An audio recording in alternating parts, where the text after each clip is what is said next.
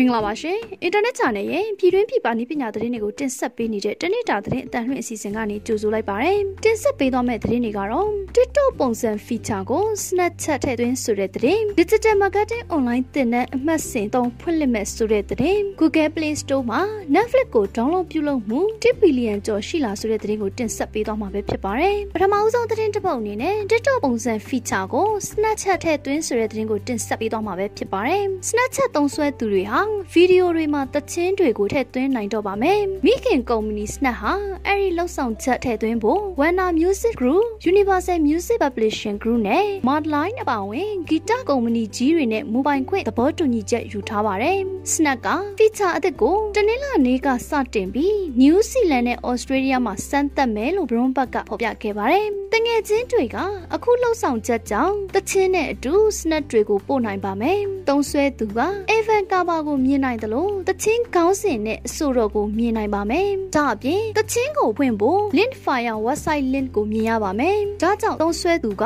Spotify, Apple Music နဲ့ SoundCloud ကနေတချင်းကိုနားထောင်နိုင်မယ်လို့ Snapchat ကထုတ်ပြန်လိုက်ပါတယ်။တကယ်ချင်းတယောက်ကတချင်းပါတဲ့ Snap ကိုပို့လိုက်ရင် Evan ကပါတချင်းနဲ့အဆိုတော်ကိုကြည့်ဖို့ swipe လုပ်ရပါမယ်။ပြီးရင်တော့ Play this song link ကိုဖွင့်လိုက်ရင် Link Fire ကိုရောက်သွားပြီးတော့တချင်းကိုအပြည့်အဝနားထောင်နိုင်ပါမယ်။ Snapchat ကအနည်းဆက်ဆုံးတငယ်ချင်းအတွက်ဆက်သွယ်ရေးတူးတစ်ခုအဖြစ်ဒီဇိုင်းထုတ်ထားပြီးတော့တငယ်ချင်းတွေအကြားတချင်းကိုညှိုးနိုင်ပါတယ်။ဆက်လက်ပြီး Digital Marketing Online သင်တန်းအမှတ်စဉ်3ဖွင့်လှစ်မယ်ဆိုတဲ့သတင်းကိုတင်ဆက်ပေးသွားမှာပဲဖြစ်ပါတယ်။ရန်ကုန်တိုင်းဒေသကြီးကွန်ပျူတာပညာရှင်အသင်းကနေကြီးမှုပြီးတော့ Digital Marketing Online သင်တန်းအမှတ်စဉ်3ကိုဩဂတ်စ်လ22ရက်မှာဖွင့်လှစ်မယ်လို့သိရပါတယ်။သင်တန်းမှာ Digital Marketing အကြောင်းသိလို့သူတွေဈေးကွက်မဟာဗျူဟာအကြောင်းသိလို့သူတွေအတွက် Japanese Style Management ပုံစံနဲ့ဈေးကွက်ချိတ်ဆက်ပုံနည်းလမ်းတွေကိုသင်ကြားပေးမှာဖြစ်ပြီးတော့သင်တန်းမှာ workshop တွေ case study တွေပါဝင်လှုပ်ဆောင်ရမှာပဲဖြစ်ပါတယ်။သင်တန်းကာလအနေနဲ့ကတော့ဩဂတ်စ်လ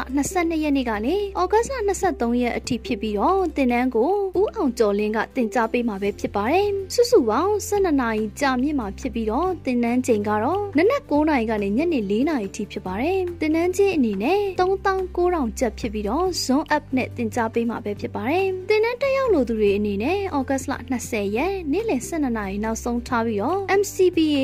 YGN ရုံးခန်းတို့ KBZ ကွစ်ပေးမှနေတဆင်စည်ရင်ပေးသွင်းနိုင်မှာပဲဖြစ်ပါတယ်။အသေးစိတ်သိရှိလိုပါကရန်ကုန်တိုင်းဒေသကြီးကွန်ပျူတာပညာရှင်အသင်းရုံးခန်းအဆောင်ဆက်လေးဒုတိယဓာတ်အခန်း301ပုံ301 933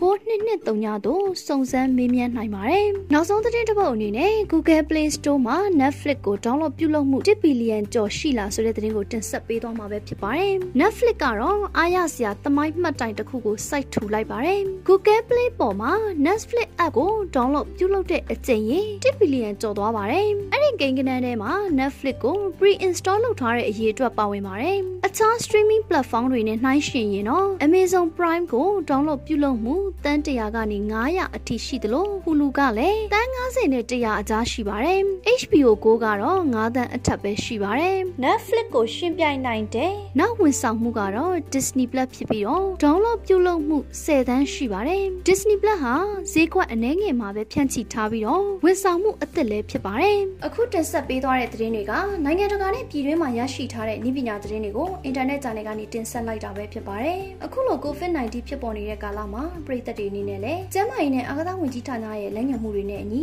လိုက်နာဆောင်ရွက်ခါနေထိုင်သွားလာဖို့တိုက်တွန်းလိုက်ပါတယ်။ကျွန်မကတော့ဝေမြင့်မှုပါ။